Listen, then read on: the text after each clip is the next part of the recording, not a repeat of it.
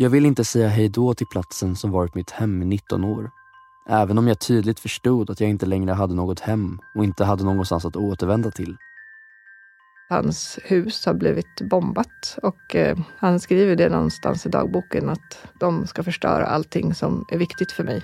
Och det är ju det de har gjort. Förutom att han då har sitt liv och sin familj så har han ju han har ingenting annat kvar. När Ryssland anfaller Ukraina åker 19-årige Gleb hem till sin familj i Mariupol. Där kommer det att vara säkert, säger hans familj. Men snart faller det bomber över staden. Samtidigt vägrar hans morfar att tro att det pågår ett krig. Gleb skriver en dagbok för att aldrig glömma. Välkommen till Studio DN Dokumentär.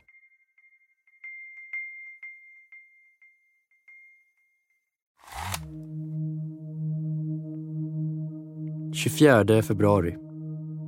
Vad ska jag börja med? Förmodligen med dag ett.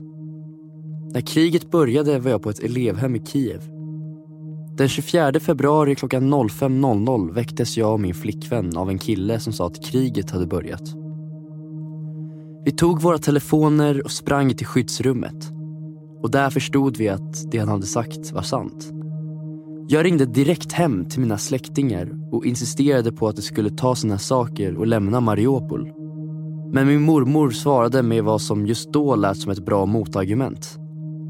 Mariupol står för cirka 10 procent av Ukrainas totala inkomst. Så det är inte lönsamt för någon sida att bomba det. Det kommer att försöka inta staden utan att göra skada, sa mormor. Glebs mormor hade fel. Redan på krigets första dag beskjuts ett bostadsområde i utkanten av Mariupol av ryska missiler.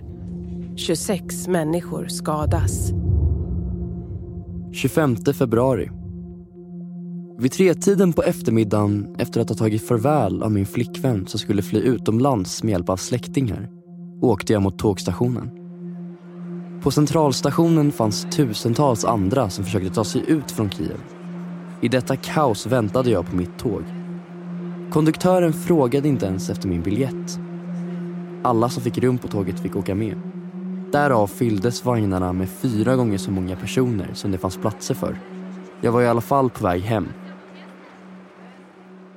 Gleb är en eh, 19-årig student eh, som är född och uppvuxen i eh, Mariupol och han läser cybersäkerhet.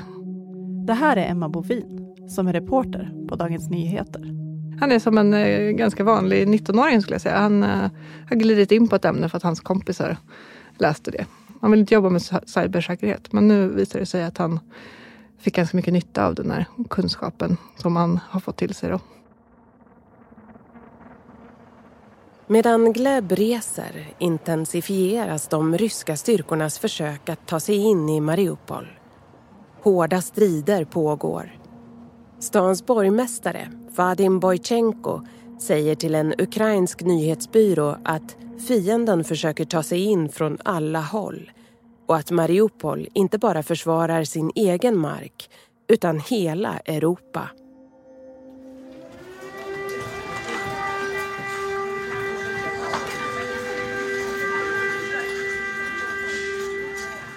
–28 februari. Luftlarmet gick hela tiden. Men det var inget problem för oss att ta oss ner i skyddsrummet under vårt fyravåningshus. Jag jobbade med att rusta huset för bombattacker. Jag tätade fönstren i lägenheten till min mammas stora indignation. De kommer att behöva tvättas senare. På ett center för flyktingar som evakuerats in till centrum från omkringliggande områden såg jag en gråtande liten flicka som bar på en stor plyschleksak i famnen. En man som jag antar var hennes pappa gick bredvid henne med en stor bal med kläder. I det ögonblicket insåg jag att krig inte vinns av starka arméer utan av att alla invånare bidrar med det de kan. Om till och med en liten flicka är redo att ge bort sin favoritleksak för att på något sätt hjälpa människor som har förlorat sitt hem, då har mänskligheten fortfarande en chans. Han känns äldre än 19 tycker jag, för han är så klok. Han är väldigt eftertänksam. En väldigt speciell person som verkligen har påverkat mig mycket under den korta tid som jag har känt honom. Ja, men han har liksom ett sätt att berätta saker och att beskriva saker som gör att de bara går rakt in i en. Eh, och när han gör det så, så, så förstår man det på ett sånt annat plan. Liksom. 19-årige Gleb trodde aldrig att han skulle börja skriva dagbok. Jag har aldrig skrivit dagbok förut.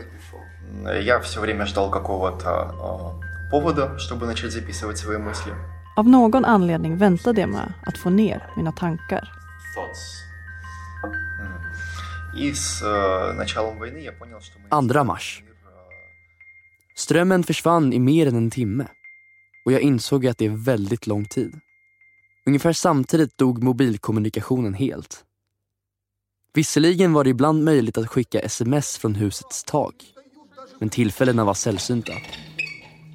Vi fyllde på med vatten och matvaror från delvis öppna butiker.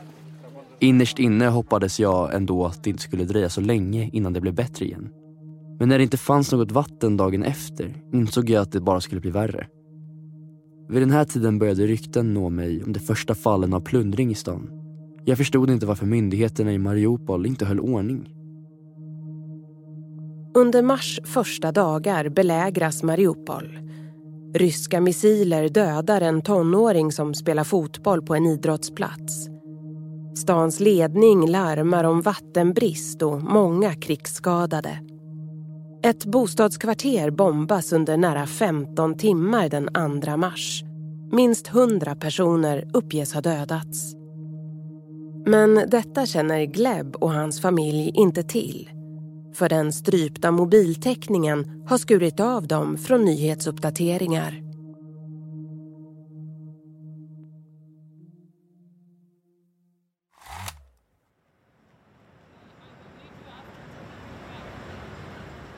Jag och Roger var på tågstationen i Lviv. Det var typ första dagen efter att vi hade kommit dit.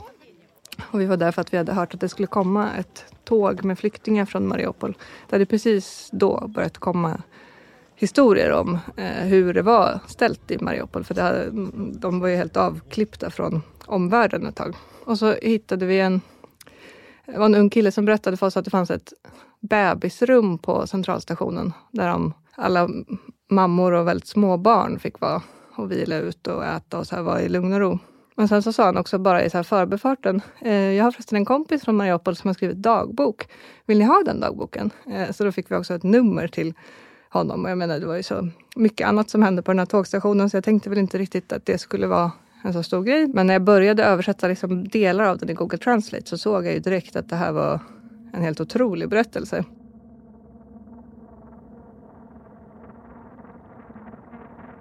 5 mars.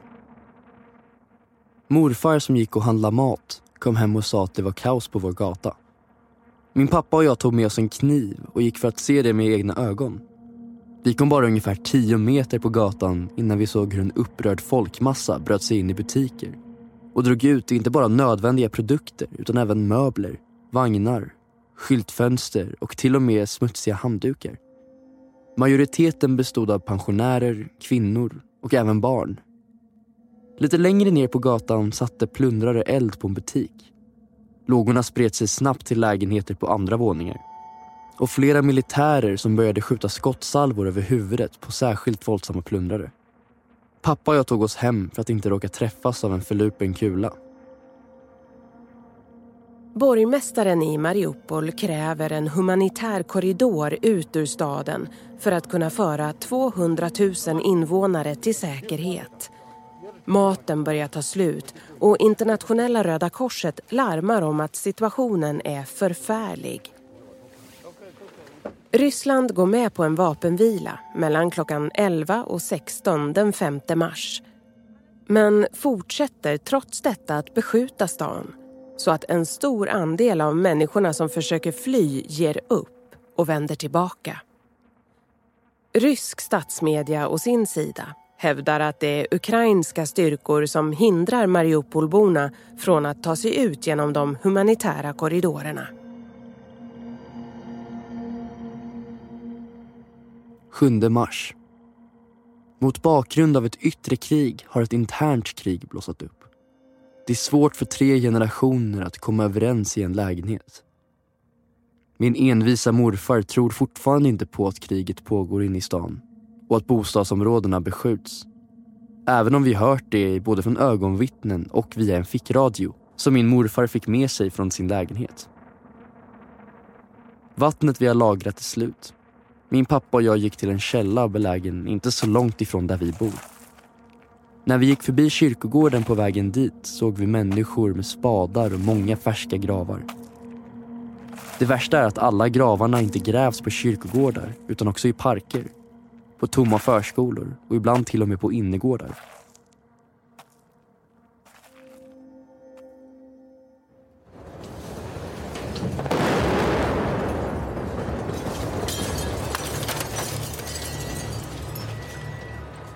Åttonde mars. I morse vaknade min familj av en mycket kraftig smäll.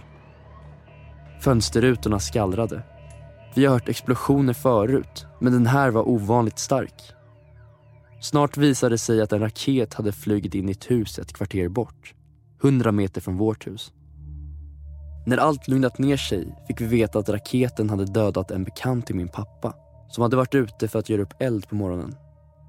Pappa och jag tog med oss morfar för att beskåda förödelsen. Andra människors berättelser om stadsdelar som hade förvandlats till damm och grus övertygade nämligen inte min morfar. När vi kom fram till platsen där raketen hade slagit ner såg vi gapande hål i väggen och krossade fönster. Den döda kroppen hade redan flyttats. På skolgården intill fanns det cirka två meter djup krater i marken.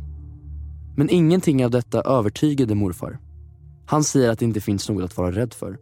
Att detta bara var en olycka, inte en riktad attack. Ibland på natten hör jag min mamma gråta. Kriget har gjort att hon får panikattacker och hon lider av sin astma. Medicinen är nästan slut. Då läser jag högt för henne till skenet av levande ljus för att på något sätt leda hennes tankar från skräcken. Det som är så himla starkt med hans dagbok är ju just att han lyckas få med det här det vardagliga Eh, som pågår hela tiden, som man kan relatera så himla starkt till. Man kan inte, jag kan i alla fall inte relatera till att, att bli bombad och beskjuten på det där sättet, men jag kan ju relatera till att ha en riktigt envis morfar som vägrar tro på saker och ting, vad den är, eller en envis familjemedlem som oavsett hur tydligt det är att någonting är sant, inte kan tro på det. Och det är ju bland annat det som han beskriver. Han beskriver sin mormor som absolut ska ut och värma köttbullar trots att det liksom skjuts hej vilt utanför. Och hon bara, men Gud skyddar mig. Det är någonting väldigt mänskligt med att kunna se sådana humoristiska detaljer, tycker jag. Eh, även när allting är så här fruktansvärt svart. Eh, så får man ett hopp av att Gleb kan, kan dra ett litet skämt. Liksom.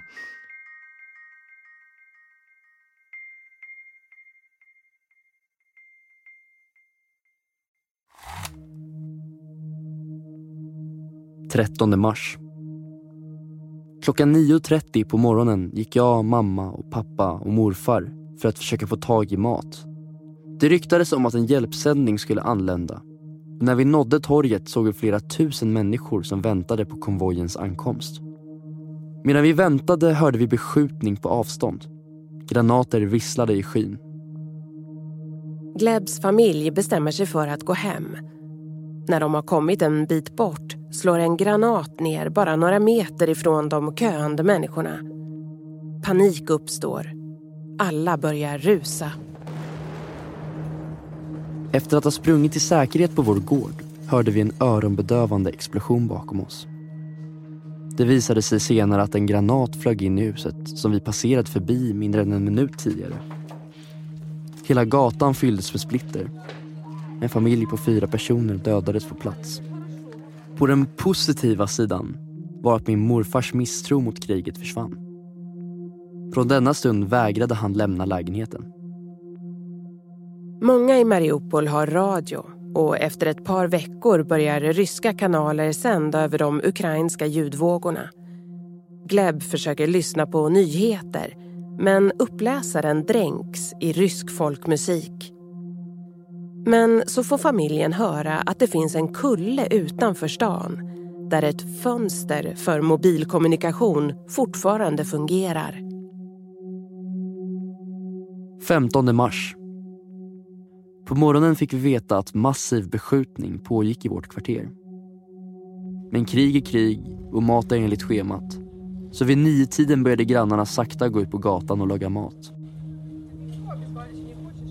Eftersom man var säker på att beskjutningen tillfälligt hade upphört förväntade sig ingen att en granat skulle flyga in på gården till huset bredvid mig klockan tio. Inte heller att den skulle döda en person och allvarligt skada ytterligare tre. Samtidigt som rutorna slog sönder i två närliggande hus och satte eld på flera bilar. Folk från hela området började springa till vårt skyddsrum och efter 15 minuter fanns det ingenstans att sitta. Minuter senare skakades vårt hus så att sprickor uppstod längs taket på skyddsrummet. Barnen grät, kvinnorna skrek. Männen som satt i entrén sprang in i källaren med stora ögon och skrek att taket och fjärde våningen av vårt hus hade sprängts bort. Fram till denna stund hade min övriga familj varit fast besluten att stanna kvar i Mariupol. Nu visste vi att det inte längre var ett alternativ.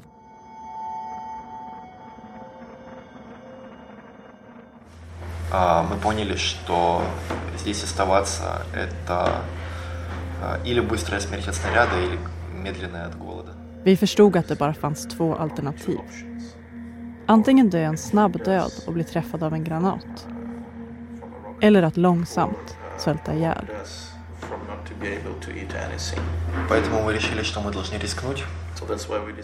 Därför bestämde vi oss för att riskera att försöka ta oss ut.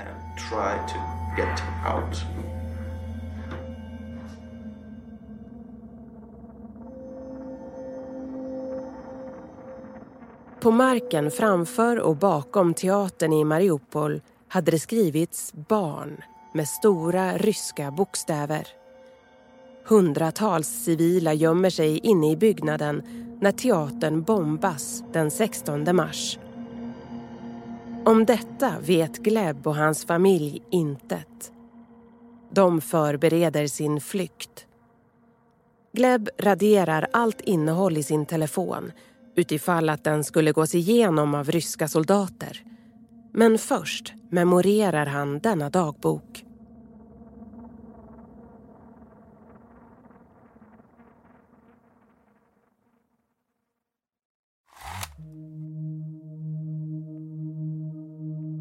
–17 mars. På morgonen, under ljudet av beskjutning som nästan började kännas hemtamt förde vi över våra saker till en bil som stod parkerad i garaget. Vi reste tillsammans med några vänner och grannar. På vägen ut såg jag genom bilrutan vad min barndomsstad hade förvandlats till. Sneda och sönderslagna hus. Stolpar som låg nedfallna på kraterförsedda vägar. Vajrar som hängde löst överallt. Träd splittrade av missiler Trots kaoset runt omkring lyckades vår konvoj av bilar att ta sig ut. Jag vill inte säga hej då till platsen som varit mitt hem i 19 år. Även om jag tydligt förstod att jag inte längre hade något hem och inte hade någonstans att återvända till. Glebs familj färdas från Mariupol till Berjansk. Denna stad ligger på ryskkontrollerat område. Sex ryska vägspärrar en lång bilresa över befarat minerad mark och en ännu längre tågresa senare stiger Gleb ut på plattform 2 i Lviv. Allting Gleb äger ryms i en ryggsäck och en plastpåse. Han har inte längre ett hem att återvända till för att hans hus har blivit bombat. Och eh, allting som han han skriver det någonstans i dagboken att de ska förstöra allting som är viktigt för mig. Och det är ju det de har gjort. Förutom att han då har sitt liv och sin familj så har han ju han har ingenting annat kvar. Och han har varit med om att vara inne i den här staden samtidigt som den blir demolerad. Samtidigt så har han ju klarat sig ut därifrån. Så till skillnad från en hel del andra så är han ju också på något sätt lyckligt lottad. Men, eh, och det, det känner han ju själv också. Men han har ju gått igenom ett, ett trauma som jag inte tror att han riktigt förstår vidden av än faktiskt. Jag frågade honom faktiskt också, hur, hur kan du vara så himla samlad och stark? För han känns väldigt stark i allting han säger. Och då svarade han, men eh, jag har inget val. Jag kan inte göra någonting annat. Och så sa han att när jag var liten och ville ha någonting som jag inte kunde få så brukade min mamma och pappa säga att eh, saker gör inte dig lycklig, utan det enda som gör dig lycklig är att du har din hälsa och du har din familj. Det är det enda som spelar någon roll. Han sa, jag var liten då så jag fattade inte alls vad de menade med det. Det hjälpte liksom inte. Men, men nu fattar jag det och, och det var sant. Det är precis så det är. Och jag har ju min hälsa och jag har min familj. Alla har kommit ut. Eh, och då, jag behöver ingenting annat.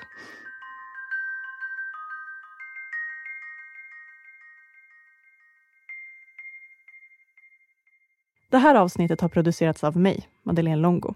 Exekutiv producent var Malin Timan. Medverkande var DNs reporter Emma Bovin och 19-årige Gleb från Mariupol. Den svenska rösten som läser upp ur Glebs dagbok var Alva Karling. Ljudtekniker var Patrik Miesenberger och berättarrösten var Susanna Levenhaut från Beppo ljudproduktion. Texten har skrivits av DNs reporter Emma Bovin och fotograf var Roger Turesson. Redaktör för texten var Shilan Dilchen och musiken var från Epidemic Sound. Det här var en produktion från Dagens Nyheter och Bauer Media.